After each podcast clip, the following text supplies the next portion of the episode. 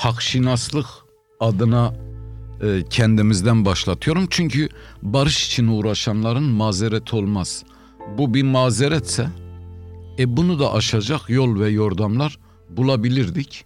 Bulamadık. E, barışı toplumsallaştıramadık. Böyle bir e, gücümüz yetmedi. İmkanlarımız kısıtlıydı. Bu bir niyet ve takat meselesidir. Niyetimiz halisti, takatimiz buna yetmedi. Ben de çıktıktan sonra hep bu sağlık meseleleriyle e, boğuştum. E, gerek annemin gerek kendimin. E, annemin tedavisini yürütürken ceza onaylanmıştı. Onu yarım bıraktık Adıyaman'a göndermiştim. Evet. Ben cezaevine gitmiştim. Ee, insanlar da görüyorum bazen işte nerede bu adam ortadan kayboldu falan diyorlar. Biraz e, onlarla da buluşma e, imkanı verdiğiniz evet. için teşekkür ederim. Haber podcastle buluştu. Kısa Dalga yayında. Bizi Kısa Dalga Net ve podcast platformlarından dinleyebilirsiniz.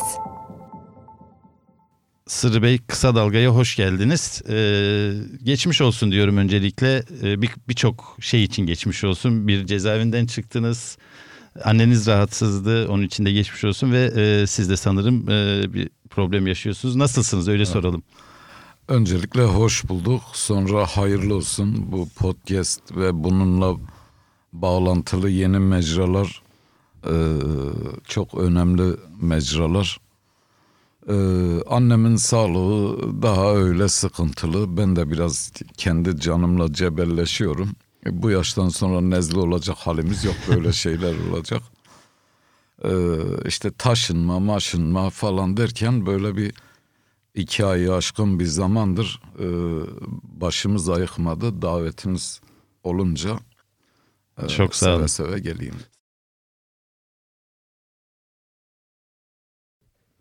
Şimdi tabii bir cezaevi süreci vardı ve bu sizin üçüncü kez cezaevine girişiniz yani sanırım. Birinciyi sayma. Birinci çok kısaydı. Kısa, ikinci, ikinci kez diyelim. Nasıl geçti? Farkları neydi öncekiyle? Önceki tabii çok ağır bir süreçti ama. Ha. Ee, Valla e, oryantasyon mu deniyor şimdi? Oryantasyon sürem 10 dakikayı geçmedi. Yani hücreye girdiğim andan e, itibaren 10-15 dakika içinde kendi şahsi düzenimi e, kurmuştum e, şey olarak da hazırdık. Yani bu sürecin bizim e, cezaevine atılmamızla e, süreceğini biliyorduk. E, hatta mahkeme sürecinde e, bizden bir parça böyle uysal davranmamız e, bekleniyordu. Heyet bizi sürekli oraya e, sevk etmeye çalıştı ama Selahattin Bey de ben de e, meselenin siyasi boyutuyla e, o yargılamayı bir siyasal tartışma zeminine e, zemininde tuttuk hep e, onlar açısından uysal olsaydınız tutuklanmayabilir miydiniz? E, yani bunlar spekülatif olur. Bence her halükarda e, tutuklanacaktık eğer şahsi düşüncemi soruyorsan ama hani belki bu kadar ceza vermeyebilirlerdi örneğin. E, bunu bilemeyiz. Bu spekülatif bir şey olur. Ama madem ki yargılama politik bir yargılama biz de hep politik düzlemde tuttuk meseleyi. E, dolayısıyla politik e, bir e, meseleden dolayı özgürlüğünüz gasp ediliyorsa cezaevi sizin için travmatik bir yer değildir. Olmamalıdır da.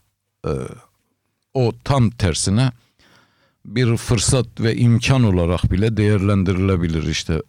Benim açımdan 200'ün üzerinde e, kitabı e, okuma açığımı kapatan bir yer oldu. Düşünme açığımı kapatan bir yer oldu. Çünkü HDP'li bir siyasetçi olarak e, yerine getirmeniz gereken günlük e, aktiviteler e, size okumak, araştırmak, düşünmek için aslında çok az zaman bırakıyor.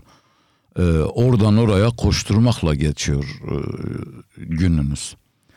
Dolayısıyla bir yenilenme, bir e, yeniden hatırlama, e, bilmediklerinizi okuma anlamında e, biraz yazma, notlar alma anlamında önemli bir fırsat oldu. Dolayısıyla yani buradan kimseye tavsiye etmem cezaevi iyi bir yermiş gibi e, anlaşılmasın bu söylediklerinden ama biz bir e, politik düşüncenin e, temsilcileriyiz e, ve yolumuza bu tür şeylerin çıkabileceğini hepimiz öngörerek bu sürece dahil olduk. HDP'li bir vekilin dünyevi hiçbir beklentisi olamaz yani. Peki ne okudunuz daha çok? Yani 200 kitap çok Evet. çok, çok geldi bana. Kaç ne kadar kaldınız cezaevinde? Ee, 11 aya 11 ayda civarında 200 on. kitap. Ee, Belli bir alanda mı yoğunlaştınız yoksa?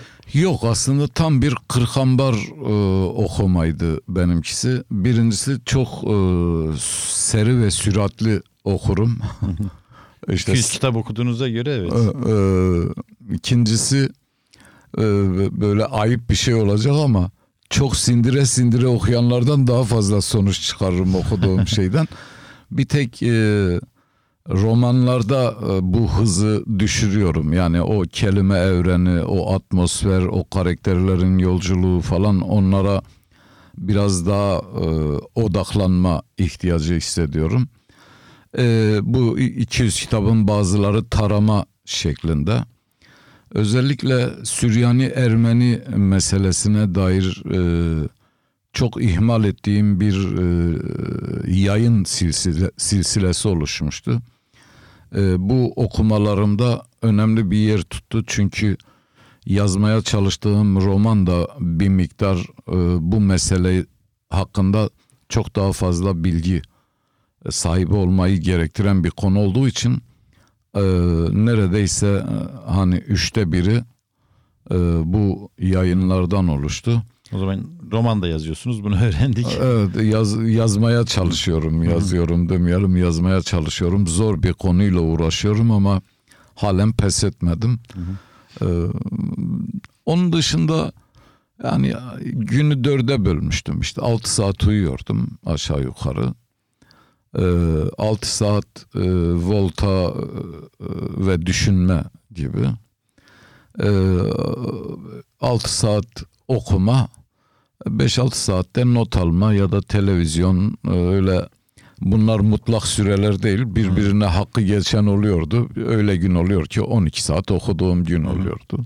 Yalnız mı kalıyordunuz kiminle kalıyordunuz? Yalnız kaldım evet. 5 ay e, e, idare kimseyi yanıma vermedi. 5 ay sonra da e, bu bu düzen iyi böyle yayıldım da biraz böyle kitaplar mitaplar şeyi kapladı. Bütün hücreyi. 5 ay sonra da ben bir müddet daha e, yalnız kalayım düşüncesindeydim. Derken Anayasa Mahkemesi'nin kararı geldi. Yemekler nasıldı onu merak ediyorum. Yani çünkü ceza yani yemekleri direkt sordum çünkü çokça şikayet var bu konuda cezaevlerinde. Ee, ben de şikayet etmek isterdim doğrusu. Fakat benim yemekle kurduğum ilişki biraz farklı bir ilişki. Mesela e, girdiğim günden çıktığım güne kadar e, ayda bir tane falan ekmek Ayda bir alıyordum. Yani öyle bir, bir ekmek alıyordum. Naylona sarıyordum. İki hafta, üç hafta e, onunla idare ediyordum. Ekmeği kestim. Yemeğe de hiçbir zaman nefaset, e, sağlık, hijyen falan bu açılardan bakan birisi değilim. Öyle bir gusto yok bende. Ha, karnımı doyursun yeter. Aynen hani bir günlük alınması gereken bir ilaç muamelesi yapıyordum. Daha çok çayla ilgili olduğum için çay kahve. Ee, ama yemekler yetersiz mi? Evet.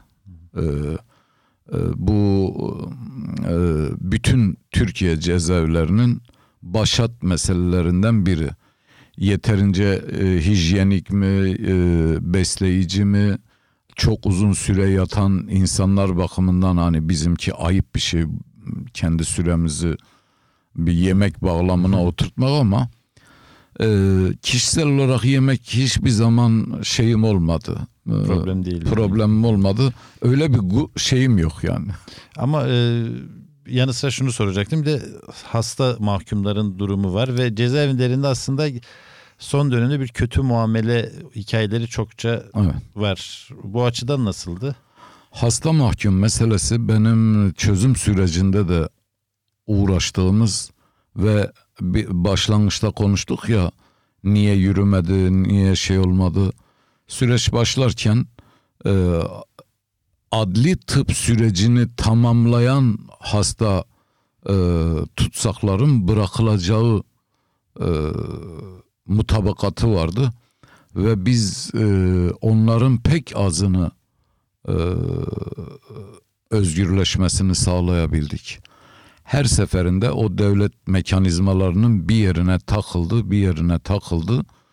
E, bugün cezaevinde e, tedavi olabilme, e, sağlık e, imkanlarından faydalanabilme meselesi belki kötü muameleden bile e, daha yukarıda e, görülmesi gereken bir şey. Ben mesela e, bir ameliyat e, şimdi de bir ameliyat olacağım. İşte bu ameliyatı cezaevinde e, olmaya karar vermiştim. O zaman hani daha 2-3 sene en az buradayız duygusundayken e, sevkimde hiçbir sorun çıkmadı. Normal bir sürede e, SEKA hastanesine sevk edildik devlet hastanesine. E, oradaki personelin e, yaklaşımı mesela doktorun yaklaşımı doktora ameliyat hakkında bir iki şey sorduğumda şöyle bir şey demişti. Ya biz sizi seviyoruz e, kişi olarak. Hani bize güvenin e, nasıl yapacağımız bizim işimizdir ama o şerefsiz partide ne işiniz var deyince sen bana bir ilaç yaz ben geri hastaneye gideyim dedim ben. Yani e, Öyle özellikle her po- şeyi yapabilir çünkü. politik e, yapacağından değil, Değil ama yani- muhtemelen beni sevdiği sözünde de samimi olduğunu düşünüyorum. Ama bakış bu. Şimdi bir hekimin e, böyle bakmaması gerekiyor. Bunu hekimden al e, kalınan fiziksel koşullara varana değin yani bir sürü özellikle ağır e, e, sağlık sorunları olanlar e, bir kere evrensel tıbbi kriterlere göre e, o hücrelerde o e, adına hasta koğuşu denilen hastanelerde tahsis edilen yerlerde insan rehabilite olmaz. E, iyileşeceği varsa da hastalığı artar yerler Evet. oralar. Onun için sağlık e, ağır bir mesele. Hasta e, tutukluların durumu ağır bir mesele. E, Birçok örnek var e, cezaevinde hayatını kaybetti. Yaşlılar için bile devlet eğer politik bir şeyse e, süreci alabildiğine engelleyici, zorlaştırıcı, e, yer yer imkansızlaştırıcı bir tutum içerisinde. Kulağınız bizde, Kısa Dalga'da olsun. Haber podcastle buluştu. Kısa Dalga Podcast. Siz Ahmet Davutoğlu'nun e, başbakanlığı döneminde milletvekiliydiniz ve çözüm süreci vardı bir kısmında bu e, sürecin. Şimdi yeni bir parti kuruyor. Nasıl değerlendiriyorsunuz? Bir de şey açıklaması var. Tabii o biraz farklı yorumlandı da hani bu terörle mücadelede ne olduğunu tam açıklamıyorum. Açıklasam yer yerinden oynar. Ee, ilk algının aksine aslında daha sertlik yanlısı olup da bazılarının onu engellediği gerçeği vardı orada. Çözüm sürecinde Davutoğlu'nun olması olumsuz bir rol oynadı mı? Ee, çözüm bugünden baktığımızda e, çözüm sürecinin sonlandırılması ve e, e, tamamen e, literatürden ülkenin gündeminden çıkarılmasına e, çok daha erken karar verildiğini MGK kararlarıyla falan bugünden bakınca e, görüyoruz biliyoruz. O günde sezgisel olarak biz bunun bir seçenek olduğunu e, hep biliyorduk. Hissediyorduk ama bütün çabamızla sürdürmek, e, daha uzun sürdürmek falan gibi bir gayretin içindeydik. Ama sürecin içerisindeki birisi olarak söyleyeyim ki e, Sayın Davutoğlu'nun sorumluluk aldığı dönemden sonra her şey e, süratle baş aşağı gitmeye başladı. O, o zaman onun e, hani şöyle bir başbakanlık yapamadım ki modu var ya yani Evet. bütün sorumluluğu da üzerinden atmak için o kadar da etkisiz biri değildi herhalde değil mi? Yani böyle sadece Cumhurbaşkanı Erdoğan'ın söylediklerini, dikte ettiklerini yapan bir Kürt meselesi söz konusu olduğunda tek bir insanı, e, tek bir yöneticiyi sorumlu e, tutamayacak kadar e, bu e, süreç boyunca aşina olduğumuz devlet işleyişinde bunun bir hakim ideoloji olduğunu, geleni kendisine benzetmeye e, çalıştığını, bunun için her türlü yol ve yordamı denediğini, e, kendisine benzetemediklerini de e, o hakim paradigmayı, e, statikoyu delmeye çalışanları da bir şekilde karar süreçlerinin dışına itmeye çalıştığını biliyoruz. E, bu her zaman böyle sonuçlanacak diye bir şey yok. Ama ben orasından çok şurasıyla ilgiliyim. Bu bir devlet politikası Ee, ve kendini sorumlu olduğunu düşünenler e, sadece e, devlet hakim paradigmayla koşut düşündüğünde e, bu e, sorumluluğu kullanabildiklerini biliyorlar. Onun dışında zaman zaman e, Sayın Davutoğlu'nun da e, Sayın Erdoğan'ın da zaman zaman e, süreci e, evrensel iyilik e, kavramları alanına çekmeye çalışan çabalarına da şahit olduk. Ama süratle burada tutunamadıklarını ya da bunun getirdiği sorumluluğu almaktan e, süratle kaçındıklarını da gördük. Yani bu söylediğimden şu çıkmaz. Aslında onlar yapmak istiyorlardı ama devlet Tamam, izin vermedi. Bu anlam çıkmaz. Ya da e, tek başına aslında bu işi onlar yapabilirlerdi ama yapmadılar sonucu da çıkmaz. peki ne sonuç çıkar? Yani Şu sonuç çıkar. Başta ilk sorumluluğu kendimize e, atfederek söyleyeyim. Barışın toplumsal bir talep e, haline getiremememiz sürecin sonlanmasının en büyük sebepleridir. Çünkü devlettir, yüzyıllık bir ezberi vardır, tekçidir, erildir falan. Bunları zaten biliyoruz yani bunları bugün keşfetmedik. Ama bize düşen hüner bu aralıktan bir barış koridoru aşmak. Çatışma süreçleri yaşayan ülkelerin hepsinde devlet böyle düşünüyor. İngiltere'de de böyleydi işte e, Arjantin'de, Şili'de, Latin deneyimlerinde, Afrika'da hepsinde devlet e, tekçi ve şiddet e, bazlı e, yaklaşımlar, güvenlik bazlı yaklaşımlar e, tercih ediyorlardı. Ama orada oralarda barış toplumsal bir talep haline gelince önünde duramadılar. Bu bir birbiriyle e, mücadele içinde olan iki, iki e, ivmedir. biz derken e, salt HDP'yi mi kastediyorsunuz yoksa bir bütün olarak çözüm sürecinin taraflarını En mı? başta kendimizi, en başta heyeti kastediyorum. Yani e, ondan sonra e, bütün sol, sosyal demokrat, e, yüzü emeğe dönük, yüzü demokrasiye dönük bütün kesimleri kastediyorum. Sorumluluğu önce üzerimize alıyorum. Çünkü biz bunlara daha iyi anlatabilir miydik sorusu e, hep kafamızda çınlayıp duruyor. Çok da düşünme e, şansımız ve fırsatımız oldu.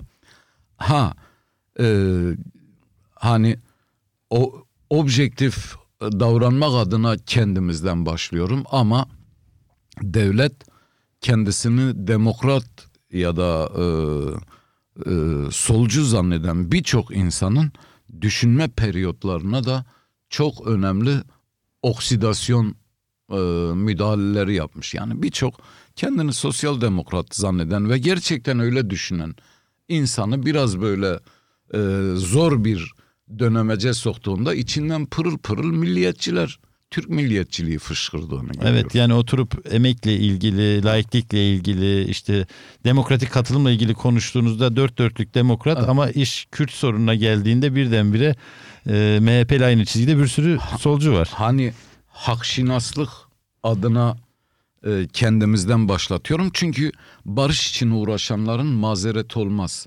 Bu bir mazeretse e bunu da aşacak yol ve yordamlar bulabilirdik. Bulamadık. E, barışı toplumsallaştıramadık. Böyle bir e, gücümüz yetmedi. İmkanlarımız kısıtlıydı. Bu bir niyet ve takat meselesidir. Niyetimiz halisti, takatimiz buna yetmedi. Bizi Kısa Dalga Net ve podcast platformlarından dinleyebilirsiniz.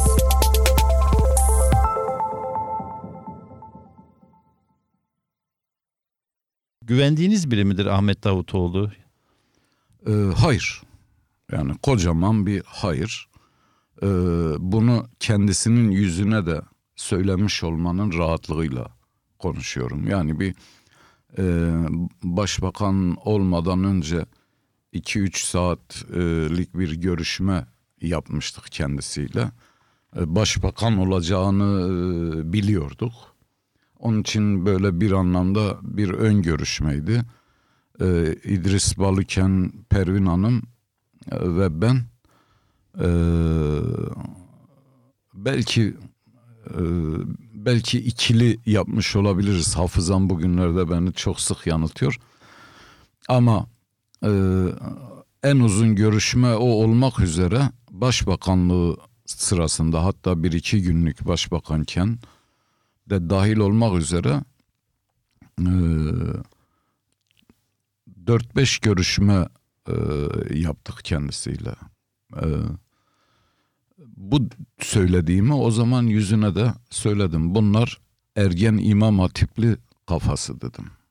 Değerlendirmem aynen kavramsal olarak da bu. Yani başbakan olmadan önceki görüşmede Evet, dediniz. evet, evet. Birinci sınıfta hoş karşılanır İmam Hatip'te bu çocuk gelmiş daha. Ama ikinci sınıfta daha kamil olurlar. Yani bununla varılacak bir yer yoktur e, şeklinde kendisine söylemiştim. E, Hangi özelliği nedeniyle bunu söylediniz? Yani e, Orta Doğu projeksiyonu, bölge e, Kürt meselesi malum artık artık değil epeydir. Aynı zamanda bir bölge meselesidir de. E, onun meseleye e, kamuoyu tarafından da bilinen yaklaşımı. Şimdi e, bir ben bugün e, dün gibi düşünmezsem bundan hicap duymam bana düşen sorumluluk eğer ben e, kamusal alanda bilinen e, birisiysem ve fikirlerimi zamanında serdetmişsem bana düşen sorumluluk bu dönüşümün hesabını e, yine kamuoyuna açıklamaktır, vermektir. Yani ben dün ben dün öyle düşünüyordum çünkü diye başlayıp bir şey. Ben bugün öyle düşünmüyorum çünkü diye başlayıp bir açıklama borcunuz var. Açıklamanıza göre bu özürü de havi olabilir, ihtiva edebilir. Ee, ya da ne bileyim yani niteli neyse geçmiş geçmişinizle yaptığınız muhasebe neyse halka bir borcunuz var. Davutoğlu ve e, benzer çizgideki siyasal aktörlerin kaçındığı bu. Canlarını hiç cefaya sokmuyorlar. Dün de kendileri haklıydı. Bugün de kendileri haklı. Dünle bugün arasında e, kendi bir ara 360 derece mi ne demişti? Hadi ben 180 derece diyeyim. Dünle bugün arasında 180 derece fark var. Ve bunu ah o günlerde neler çektik gibi bir aslında kapalı kapılar ardında ben söyledim le geçiştirilecek bir şey değil bu. biraz e, sizi zorlamak gibi olacak ama şu soruyu yine sormak durumdayım. Çözüm süreci niye başarısız oldu? Yani bahsettiğiniz topluma bunu anlatmama meselesi bir toplumsal talep oluşturmama me- meselesi çok önemli ama birçok insan da aklında şöyle bir soru var. Sizin görüşünüzde Erdoğan için bu bir politik manevraydı. Esasen bir barış e, öngörmüyordu. Sonuçta da zaten bu süreçten HDP'nin başarılı olduğunu görünce 7 Haziran'da bu iş masayı dağıttı. Bu kadar basit mi ya da e, sizin Erdoğan'ın ve AKP'nin yaklaşımına ilişkin görüşleriniz nedir? Şimdi bu ülke ikiden fazla sayamayanların cenneti. Her şey üçüncü seçenek söz konusu olduğunda birçok insan ve birçok anlayış paralize oluyor. İşte iyi var, kötü var, dost var, düşman var, e, sağ var, sol var falan gibi böyle hep ikiye kadar geliyor. Bir de bu ikisinin dışında e, ikisinden e, Farklı de bir- farklı bir üçüncü seçenek meselesi gel, geldiğinde paralize olan anlayışlar var ve insanlar var. Şimdi birinci sebebi söyleyeyim. E, Benim durduğum yerden baktığımda. Birinci sebep e, talep yani e, Kürt siyasal hareketinin talebiyle e, devletin e, vermeyi düşündüğü bir alver kavramıyla açıklamayı çok sevmiyorum. Ya da yapmayı, kabullenmeyi düşündüğü şeyler arasındaki makas çok açıktı. Bu sürpriz ya da yeni bir bilgi değil. Ama e, sadece Türkiye'ye mahsus bir şey de değil. Yani somut olarak devlet nereye kadar gider Kürt hareketi ne istiyordu? Evet, Onu nasıl evet. somutlayabiliriz? Ee, yani böyle çok tek cümleye ya da bir yayına sığdırılacak şey değil ama olgusal olarak e, bunu söyleyebiliriz rahatlıkla. E, devlet bu konuda e, ya işte birkaç daha önce kıstığımız ya da e, e, cebren gasp ettiğimiz birkaç e, uygulamayı gevşetiriz. E bunların da işte e, onuru tamir olmuş olur. E silahı da bırakırlar falan gibi bir ciddiyetsiz meselenin e, taşıdığı e, boyutları kavramaktan ve birlikte düşünmekten uzak e, bir şey e, yaklaşımı vardı. E, Kürt siyasal hareketi de e, bunun daha önceki ateşkes ve mü- müzakere süreçlerinden kendilerince çıkardığı sonuçlarla bunun e, dört başı mamur çerçevelenmiş ve demokratikleşme süreçlerini de içeren e, bir e, zemine oturtulmadan bunun her zaman geriye e, dönüş kapısını açık bırakacağı düşüncesindeydi. Dolayısıyla olgusal olarak ilk sayacağımız şey aradaki bu makasın açıklığıdır. E, fakat bu bir korkulacak bir şey değil. Dünyadaki bütün görüşmeler, bütün bu çözüm süreçleri bu makasın bir hayli açık olduğu bir noktada, hatta en açık olduğu noktadan başlar. E, bunun ondan sonraki adım e, güven artırıcı adımlarla e, bir parça o makası e, geride tutan yaylar gevşetilir. Sonra tarafların feraseti, samimiyeti, e, halkın demokrasi talebi, barış talebi falan gibi birçok faktörle o makas gelebileceği yeni bir e, açıklıkta e, finalize olur. Bu hiçbir zaman da kapanmaz. E, barış süreçlerine dair e, mutlak bir uzlaşmayla e, dünyada sonuçlanma oranı %17 ile 25 arasında.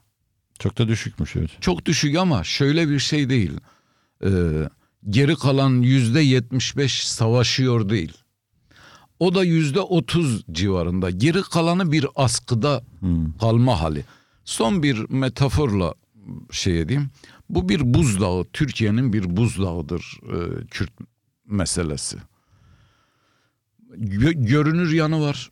Bir de görünmez yanı var. Ve bunu bir günde eritmek e, imkan dahilinde değil.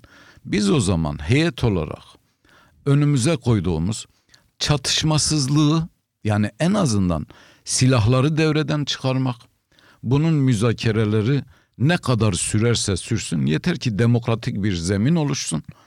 Ee, ama silahtan azade bir zemin oluşturalım. Bunu biz kendimiz için başarı sayacaktık. Çünkü can kayıplarının telafisi yok. e, geri getirme şansınız yok, yerine koyma şansınız yok, taklidini yapma şansınız yok ve çatışmasız süreçler ne kadar uzun sürerse barış o kadar yakına geliyor. Bunu bir günde eritemezsiniz bu buzdağını. Dolayısıyla sadece vereceğiniz ısı değildir. Bunu eritecek olan aynı zamanda bu denklemde bir de zaman dediğimiz, süre dediğimiz bir şey vardır. Hı hı. Biz hep bütün enerjimizi e, çatışmasızlık zeminini baki tutalım ama konuşulmaya, tartışılmaya devam etsin. Başta bunlar hezeyan niteliği taşıyan konuşmalar olabilir ama zamanla çapaklarından arınır meselenin hakiki boyutları, hakiki dertleri, hakiki başlıkları bir şekilde toplumun tartışma gündeminde kendisine yer bulur diye düşünüyorum. Kulağınız bizde, kısa dalgada olsun. Haber podcastle buluştu. Kısa Dalga Podcast. Biz sizi bir film setinde gördük. Evet. Bir ondan bahsetmek istiyorum. Projede e, benim gibi kırık hikayelerine meraklı insanları heyecanlandırır. Evet. Nedir film konusu ne? Kim çekiyor? Ee, daha önce 14 Temmuz'u çeken e, Haşim arkadaşımız, kardeşimiz çekiyor. Aslında e, oyunculuk, ben oyuncu değilim. Üstelik e, yönetmen olarak kendi oyunculuğuma da bir not vermem e, gerekse sınıfı geç, geçirmem yani oyunculuk bahsinde. Dayanışma e, amaçlı özellikle bağımsız filmlerde e, oyuncu arkadaşların e, hepsi dizi, film falan bunlarla angaja bir takvimleri var. E, öyle olunca e, bağımsız sinemanın da bu finansı karşılayacak e, gücü yok. Dayanışma amaçlı ve bir günü geçmeyen ya da iki günü geçmeyen hmm. roller olduğunda e, kayıtsız kalmıyorum bu arkadaşlarımıza. Oradaki rolünüz ne? Bir galerici e, kuşunu kırıklara kaptıran hmm. bir otogalericisiyim.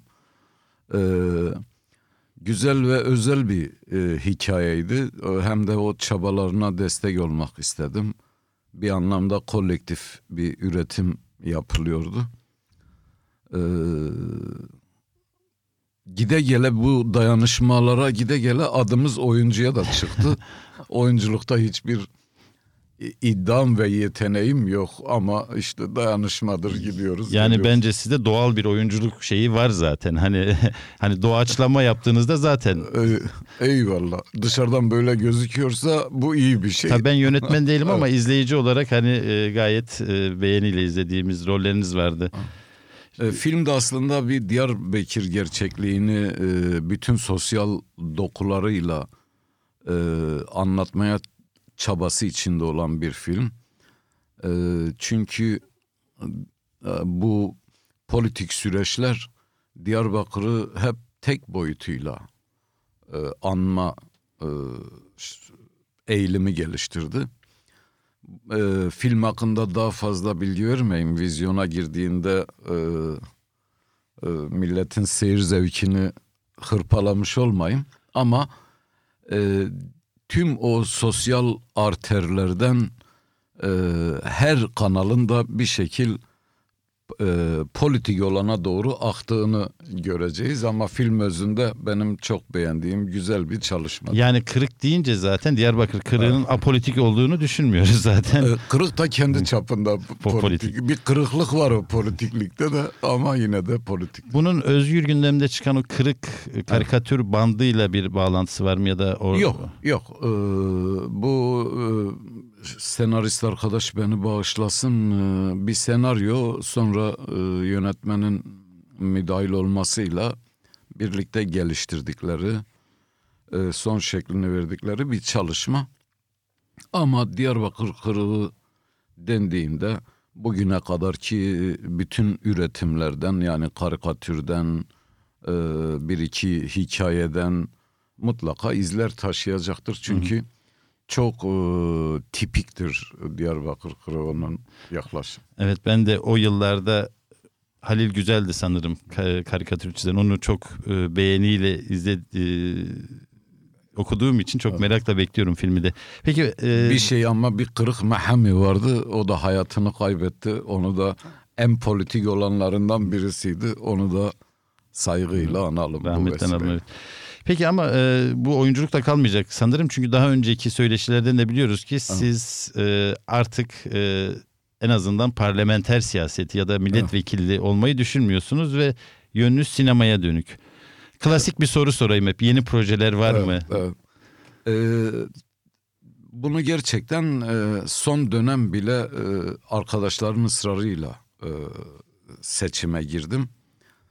E, çünkü sinema alanı e, biraz sinemanın ilgilendiği konu başlıklarıyla e, ülkenin yakıcı konu başlıkları arasında bir hayli açık bir makas var. Bunun e, birçok sebebi vardır kuşkusuz.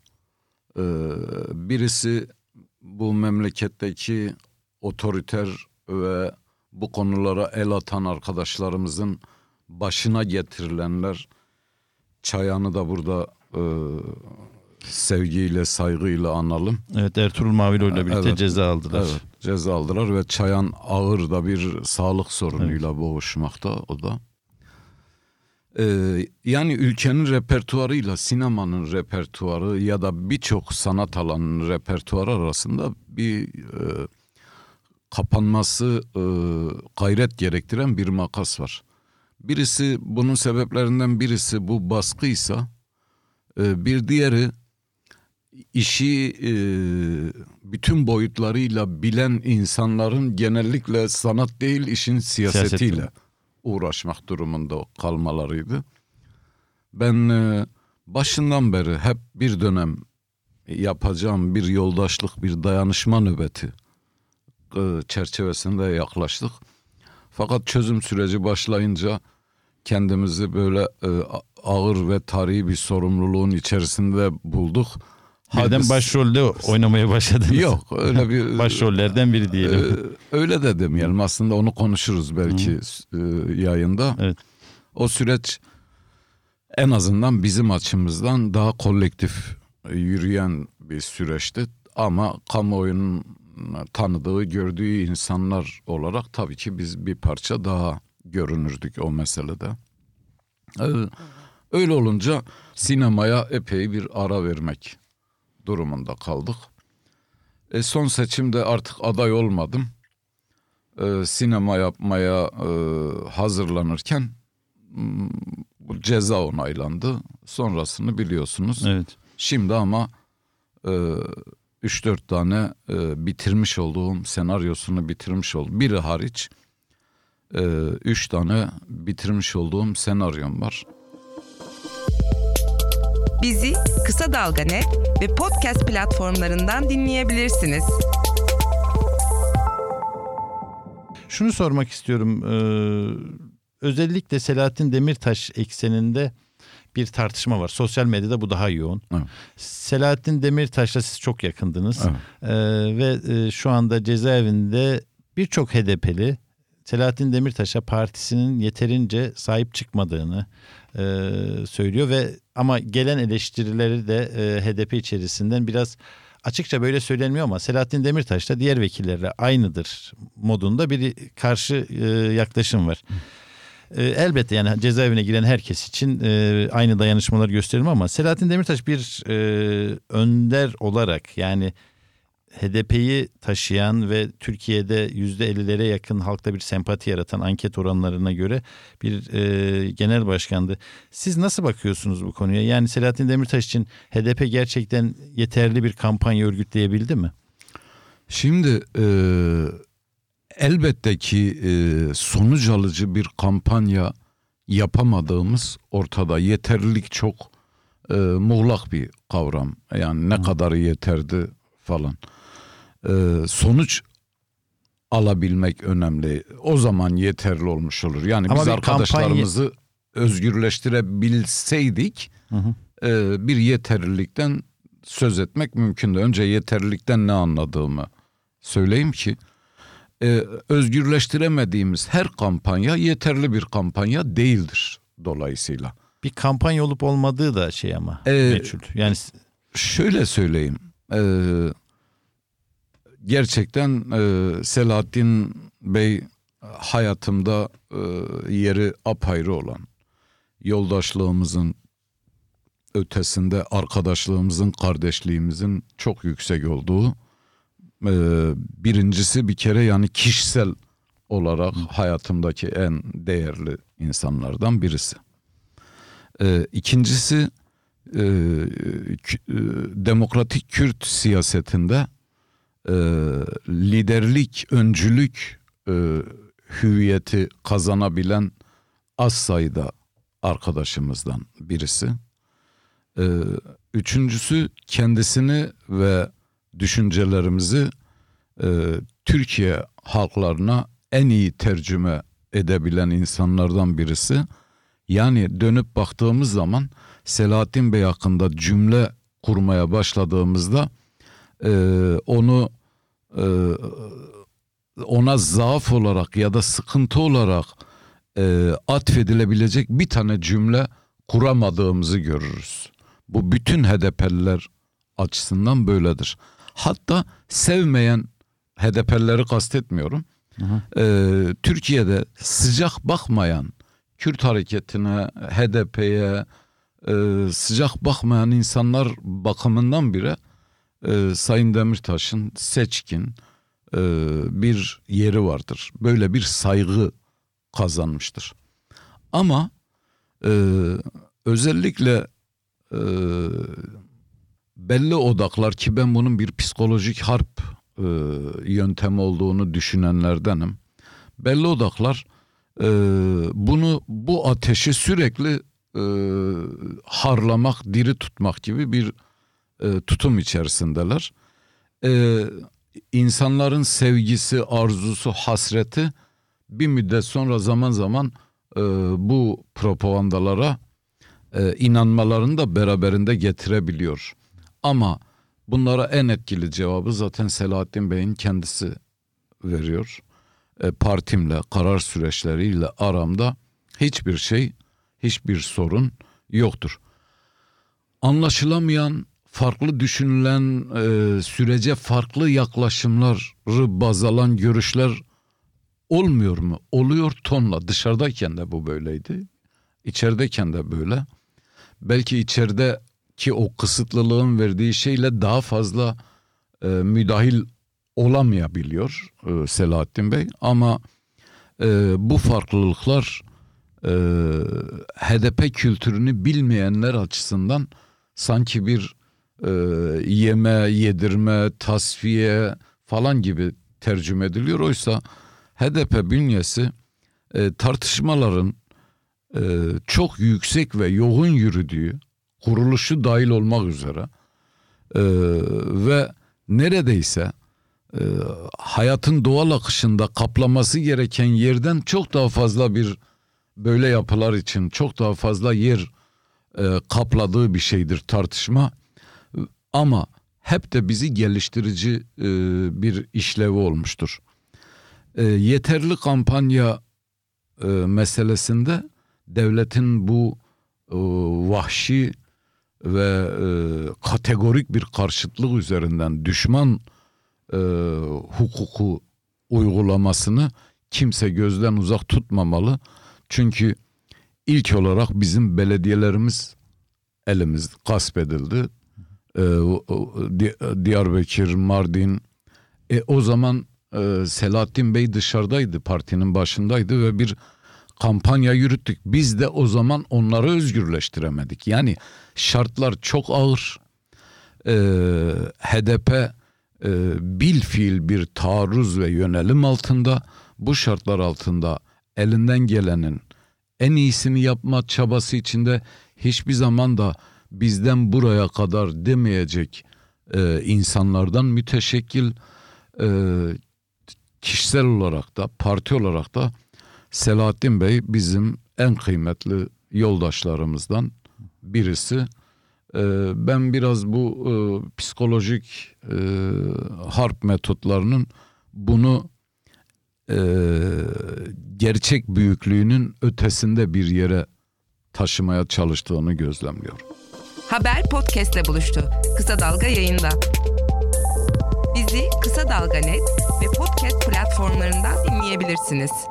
Egemenlerin bu ülkede en iyi bildikleri iş ya da ilk yöneldikleri alan toplumsal hafızayı e, imha etmek, bozmak e, ve bunu çağrıştıran her türlü mekanizmayı hayattan uzak tutmak şeklindedir. E, muktedir böyle davranınca e, bizim de kendimize çıkaracağımız ders başta bu toplumsal hafızayı diri tutmak. Çünkü bilmek, e, yapmışsanız eğer hataları tekrarlamamak, e, yeni süreçler için e, daha donanımlı hazırlanmak, e, netice almak falan gibi bir sürü iyi başlığın olmazsa olmazı bu toplumsal hafızayı diri tutmaktan geçiyor. O zaman yakın döneme dair mi bir senaryo dizisi var? Yani yakın tarihte yaşananlar mı? Baş, evet altında? başlıklar halinde söyleyeyim. Zaten e, HDP'den o zamanki adıyla BDP'den ilk vekilliği kabul ettiğim zaman Maraş katliamı üzerine bir filmin ön hazırlıklarına başlamıştım. Yani 10-15 gün sonra set aşamasına gelecekken e, kendimizi parlamentoda bulduk. Siz Maraş protestosu nedeniyle de cezaevine Evet, girmiştiniz evet, değil mi? Ee, hal böyle olunca bir elimde e, o Maraş senaryosu var. Fakat birinci çekeceğim o değil.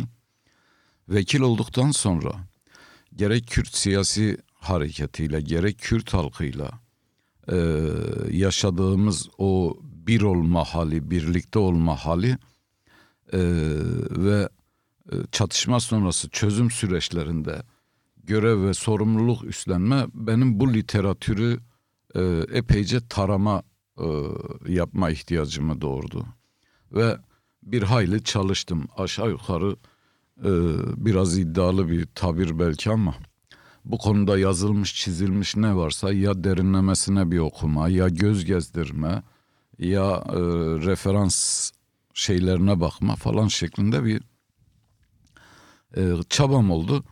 Burada bu e, ülkemiz özelinde de baktığımızda e, çözümün önündeki en büyük engellerden biri aynı zamanda da yarayı besleyen şey bu yas tutma hakkı e, belki diyebilirim ki daha önce yüzeysel olarak bildiğimiz ama derinlemesine toslaşınca e, hakiki değerini kavradığımız şeylerin başında benim bu yas tutma hakkı ve bunun engellenmesi geldi.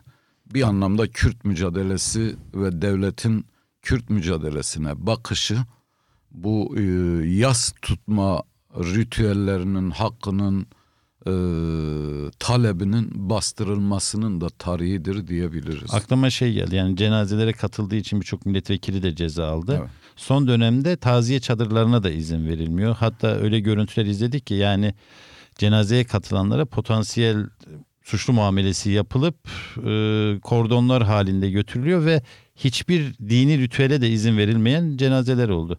Bu son dönemde arttı değil mi? Yani önceki dönemlerde daha toleranslılardı. Ee, son dönemde artmadı. Son dönemde imkansızlaştırıldı. Yani baskı e, artmakla kalmadı. E, neredeyse e, bir helallik bile ailesinden alınmadan e, insanlar alelacele ve hiçbir ritüel gözetmeden e, defnedilmeye başlandı. Kendini e, Allah yerine koyan din görevlileri türedi e, onun günahkar olduğunun hükmünü ya da onun namazının kılınmaması fetvasını e, verecek kadar cibilliyetsiz e, din görevlileri türedi.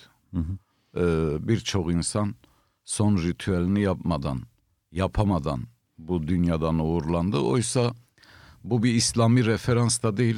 İslam bu konuda e, birçok e, ileri ve hümanist e, önermelerle doludur. Birdir e, naaşa rıfk ile yaklaşmalı, yumuşaklıkla. Bu çok önemlidir. İki, e, kimsenin e, kalbindekini bilemezsiniz. Yollu bir sürü şey vardır. Hesap ancak Allah hesap sahibidir. Hesabı görecek olan odur. E, üç, e, ölme hakkı ve dinince, e, inancınca e, defnedilme hakkı evrensel bir haktır. E, Ölme hakkı dediğim e, dinleyenler Evet. yanlış anlamasın işte yani bir ayrı bir literatürdeki bir kavramdan bahsediyorum. Ve fakat en büyük şeyi yine İslami referans olarak neredeyse düstur olmuş bir cümle vardır. Ölüden ve deliden hüküm kalkar denir. Yani ölen bir, bir kimse hakkında artık siz bu dünyada herhangi bir hüküm tesis edemezsiniz. Hukukta da böyledir. Evet. Dinen de böyledir. Ee, maalesef e, bu işin bir boyutu, bir diğer boyutu e, bu ülke onu da gördü. Sorsanız bana çok daha acı olaylara tanıklık ettim vekillik yaşamı boyunca. Ama Aysel Tuğlu'nun annesinin e, naaşına yapılanlar e, içimi kuruttu. Hiçbir şey bundan çok daha vahim, acı, yakıcı şeyler gördüm. İşte kar katliamına tanık Evet. olduk. İnsanların parçalarını e, yerlerden, parklardan, yollardan topladık. Ee, bu kaleme, kitaba, söze sığmayan bir vahşetti. Siz de Evet. e, oradaydınız, tanıksınız.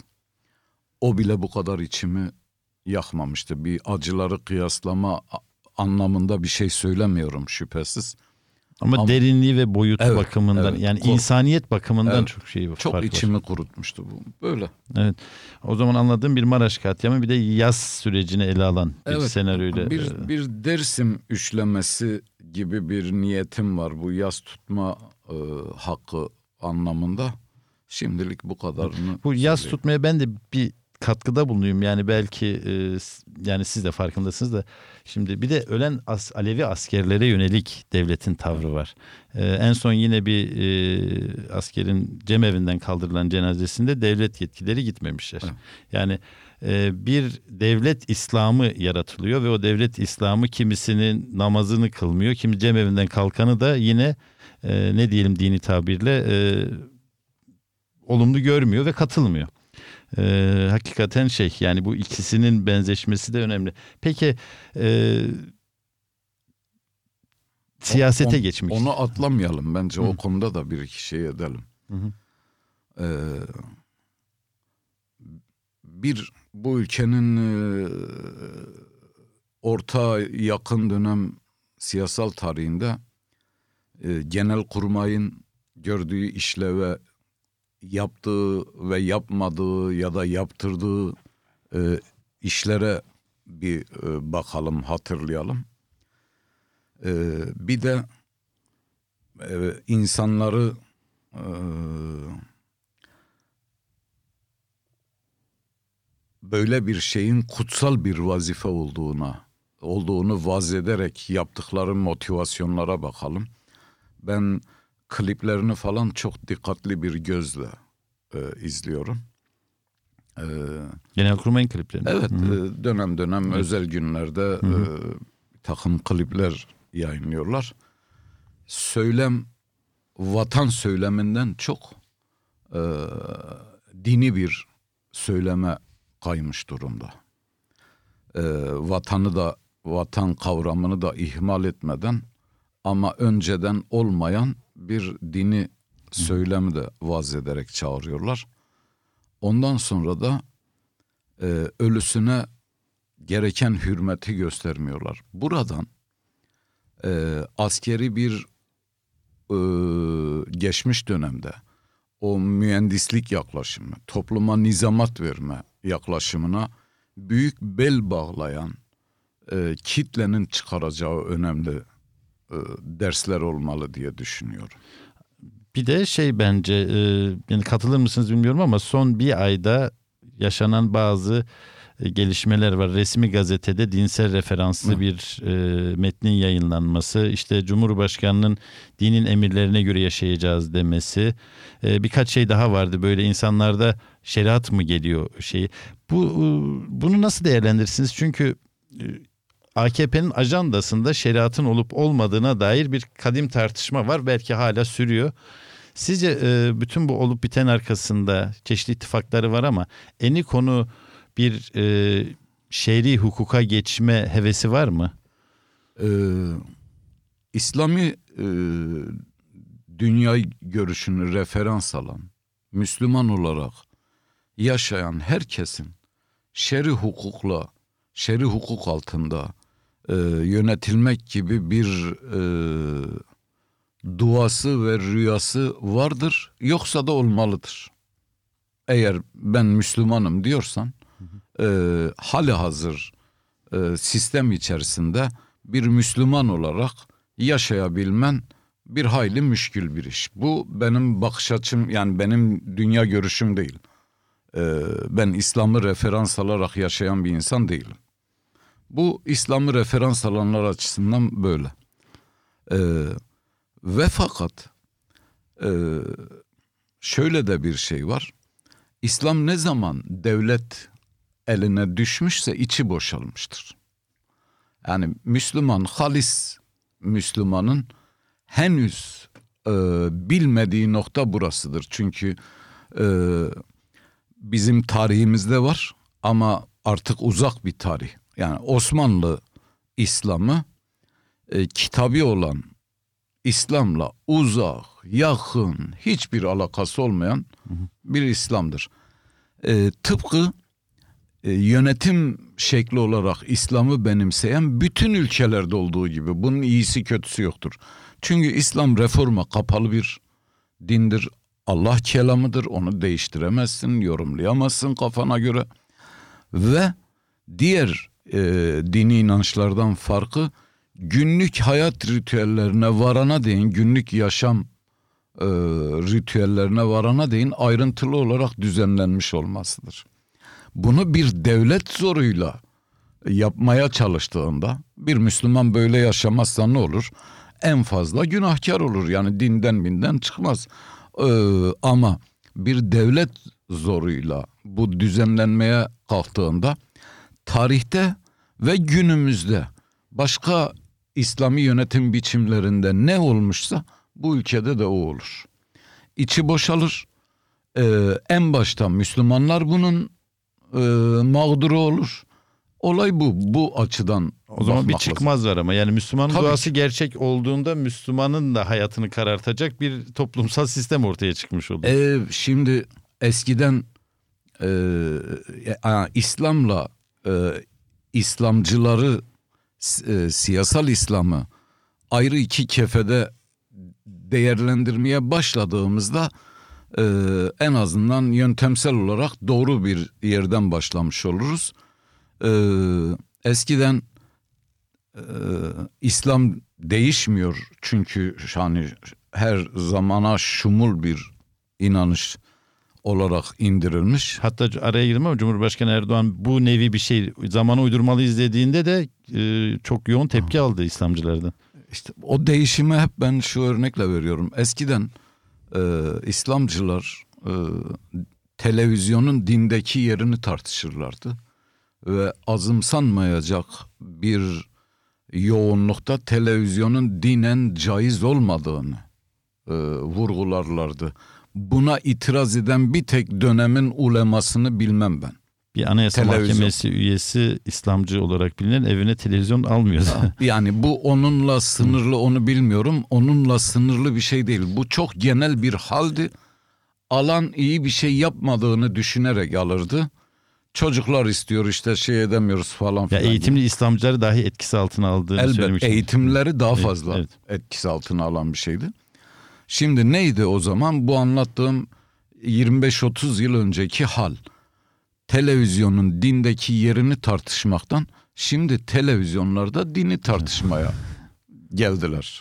Artık dini Başka bir yerde tartışmıyorlar. Televizyonlarda tartışıyorlar. Şimdi Nevzuhur bir sürü ilahiyatçı, bir sürü şeyh, meşayih, kanaat önderi her gece e, yaygın televizyon kanallarından birinde televizyonda dini tartışıyorlar. Dolayısıyla değişen İslam değil, değişen hayat ve bunların bakış açıları. Bu da benim biraz önce anlatmaya çalıştığım şeye Evet. güçlü bir karine aslında. Bizi Kısa Dalga Net ve podcast platformlarından dinleyebilirsiniz. Yeni bir çözüm süreci, yeni e, barış arayışları konusunda da biraz söyledikleriniz bende bir umutsuzluk yarattı. Niye? Çünkü toplumda barış talebini göremiyoruz. Aksine milliyetçilik ne kadar artarsa, e, işte şoven söylem ne kadar artarsa iktidar kendisini o kadar tahkim edebiliyor. Hele MHP ile yapılan bu koalisyondan sonra iyice e, Türk İslamcı bir söylemle ilerliyor ve bu sadece iktidarı değil muhalefeti de etkisi altına alıyor. Yani daha önce çözüm sürecine CHP olumlu kredi açmıştı ama şimdi baktığınızda çözüm sürecinde yaptıkları nedeniyle iktidarı suçluyor. O zaman siz um- umut edebiliyor musunuz yakın dönemde bir çözüm süreci ya da barış için yeni bir arayış olabilir mi? En az e, 2012'deki kadar umut sahibiyim. Ve e, sizde böyle bir izlenim uyandırdıysam, söylediklerim bu e, izlenimi uyandırdıysa bu benim yeterince ifade edemememden kaynaklı olabilir. Yok sizin söylediklerinizden ya da sizin söylediklerinizden çıkardığım sonuç oldu. Doğrudur. Böyle bir sonuç da çıkarılabilir ama ben meseleye şöyle bakıyorum. Ee, topyekün bir öğrenme süreci. Ee, bu mesele e, hani şöyle bir anlayış var. Biraz daha çerçeveyi genişleteyim.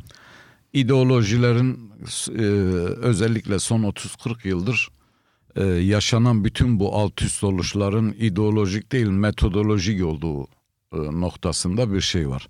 Bunu mutlaklaştırmazsak, temel bir tespit olarak ele almazsak gerçeklik payı olan bir değerlendirme diye düşünüyorum. Yani her şeyi bununla açıklamadan biraz beri durup bunun da bir faktör olduğunu gözetirsek bunun açıklayıcı bir şey olduğunu düşünüyorum. Bu da e, genel hatlarıyla metodolojik olarak şu anda e, demokrasiyi bir hem yol hem de yordam olarak e, kabul edenler bunun yokluğunun yarattığı yakıcılığı e, tecrübe edenler ve bunu talep eden insanlar. Birincisi bu. Evet. Öbürü de dediğiniz gibi e, tekçi, e, işte dinsel referanslar vesaire diye demokrasiden uzak e, her türlü yaklaşım. Böyle bir e, iki e, kamplaşmadan, iki kutuptan söz edebiliriz. E, bu demokrasiyi talep edenler artık insanların ulusal demokratik taleplerini, kendilerini kendileri olarak yaşama arzularını, e, kendi kaderlerini tayin hakkını e, gibi ö- ö- özetleyebileceğimiz birçok başlıkta eskisi kadar iğne değmiş gibi e, zıplamıyorlar. Bunu bunu bir anlamaya çalışma çabası var. Çünkü Kürt siyasi hareketi e, uzunca bir yıllar e, ya da girdiği birçok seçimde e, iktidara güç verme, aslında iktidarın gizli ortağı olma falan gibi bir sürü hurafeyle boğuşmak zorunda kaldı. Derdini de anlatamadı. E, yine e, Evet. o bu konuda sorumlular, sorumlulardan birisi olarak görüyorum kendimi. E, ama bakın geldiğimiz derelere, geçtiğimiz derelere e, herkesi mahcup edecek bir e, politik duruş ve bilinç sahibi olduğunu gösterdi. Dünyada hiçbir şey olup geçmez malum. Bu bir sürü sonuç üretir. Bu sonuçları da genellikle önceden kestiremeyiz. Çok budaklıdır bu yani çok da karmaşıktır. Ee, hatta murad ettiğimiz şeylerin dışında ürettiği sonuçlar genellikle ümit ettiklerimizden çok daha fazla ve farklı olur. Evet. Burada da böyle oldu. Onun için umudum var. Yoksa ben AKP MHP blokunun bir barış süreci e, yeniden başlatacağını ya da bir demokratikleşme e, yönelimine gireceklerini e, ihtimal dahilinde görmüyorum. Ama bu mesele tam da hallolması gerektiği gibi bir e, hal yoluna bilinç düzeyinde giriyor. Literatürde bu çatışma süreçleri literatüründe bir şey var. Umutsuzluğa kapılmamızı engelleyecek umuduyla onu da paylaşayım bu bahsi Hı-hı. bitireyim. Ee, dediğim gibi bayağı e, tarama yapmıştım. Barış korkusu denen bir şey var. Çatışan taraflarda hem devlette hem çatıştığı e, muhataplarında. Bu barış elini uzatacak kadar yakına geldiğinde genellikle e, öyle bir geriye dönüş oluyor ki izleyenler bir daha barışın asla mümkün olmayacağını ya da çok uzak bir ihtimal olacağını varsayıyorlar. Bu tam da o barış korkusu yani alışılmış iktidar et, etme, e, hükümet etmeyi, e, yönetme biçimlerini terk edecek olmanın e, yarattığı ya da alıştığı alışkanlıklar, alıştığı kategorizasyon gibi bir sürü şey çatışan taraflarda böyle en ufak bir şeyde geriye dönme şeyini fitilliyor. Bizde Habur sendromu olmuştu değil mi? Yani Habur'da mesela aa, aa. E, geldiler dağdan indiler. Dağdan inmeleri çok iyiydi ve dağdan inişleri kutlanırken birden bu tersine bir dediğiniz gibi herhalde bir barış korkusuna evet. yol açtı. Ee, aslında Habur'u e, çok kastetmedim. Son süreci Hı. daha çok buna uygun görüyorum ama Habur'u hatırlatmanız iyi oldu. Dönemin başbakanı o zaman şey dedi. E, ve kıyameti koparan Deniz Baykal e, en azından sözcülüğünü Hı. yapan Deniz Baykal'dı. E, Erdoğan dedi ki ne var dedi sevinmişler sevinecekler tabii. Tamam o günkü yaklaşımı evet. oydu. Ne var bunda? Sevinmişler dedi. Gerçekten cümle olarak e, üzerinde kıyamet koparılan hadise gelenlerin sevinmesiydi. Üzerinde spekülasyon yapılan oradaki yargılama e, düzeniydi. E bugün dönüp sormak lazım o gün itiraz edenlere.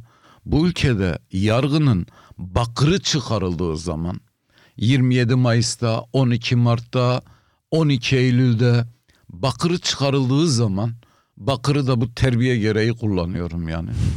ee, bu insanlardan en ufak bir itiraz gelmedi.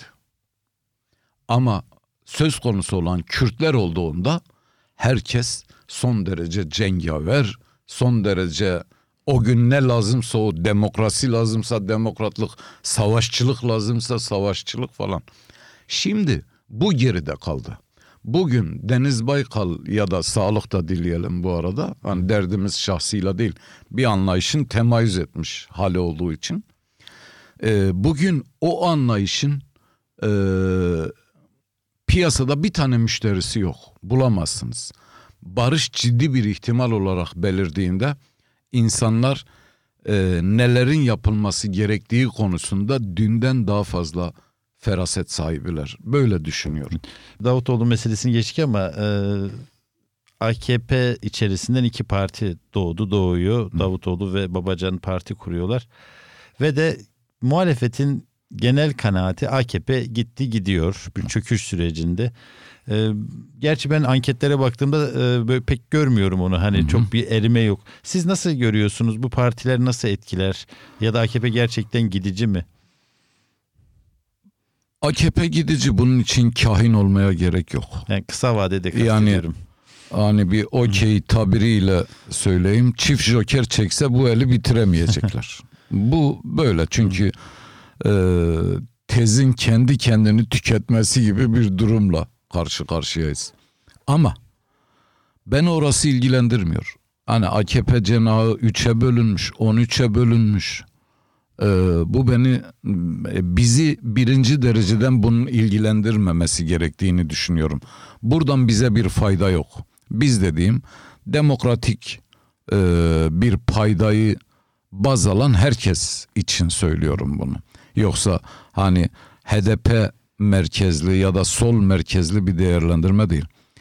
Ee, genellikle sola indirgeyecek olursak gün ve şartlar solun tam kendini alternatif olarak daha görünür kılması için bütün şartları ihtiva ediyor. Fakat e, birkaç e, zihinsel pürüzün aşılması gerektiğini düşünüyorum. Şimdi iki sütun halinde e, düşünceler oluşmuş, bloklar oluşmuş ve birbirine geçişkenliği az. E, genellikle e, bu tabiri cinsiyetçi bir manada kullanmıyorum. Aile evliliği Hı hı. e, olarak aile içi evli, evlilik, akraba evliliği e, bu, bu kavramı bulmaya çalışıyorum. Akraba evliliği. akraba evliliğiyle yürüyeceğimiz bir yol yok. Melezleşmesi lazım Türkiye'de sol muhalefetin. Ve bunu topyekün e, herkesin bu idraka gelmesi lazım. Bunun yolu da AKP'li demiyorum. AKP'ye oy veren seçmenleri seçmenlerden ne kadarını ikna edebileceğimizle yakından alakalı. Bu da e, onları kandırmaktan geçmiyor. Onlara kendimizi doğru ve yeterli bir şekilde anlatmaktan geçiyor. Bizim bel bağlayacağımız alan burası olmalı. Enerjimizi, e, eforumuzu, e, e, düşünce yoğunlaşmamızı e, buralara kaydırmamız lazım. Solda bunun e, eksikliği ve bir ihtiyaç olarak kabulü epeydir e, tartışılan bir konuydu. E, ÖDP'deki bu tartışmanın e, sol partiye e, evrilen sürecin önemli olduğunu düşünüyorum. Daha geniş tartışmaları ve daha geniş bir çeperi hedefleyecek bir e, birlikte yol yürüme e, talebinin ve gerçekliğinin e, daha kavra, e, geniş kesimler tarafından kavranılmasına ihtiyacı olduğunu düşünüyorum. HDP bu anlamda bunun bir mikro örneğiydi. Kendi çeperinin dışında oy alabilme pratiğine sahip tek partiyiz biz. Evet. Yani yüzde beşlerden yüzde on üçe çıkarmak, kendini neredeyse üçe katlamak, e, baş çevrilecek, e, küçümsenecek, görmezlikten gelinecek bir deneyim değildir.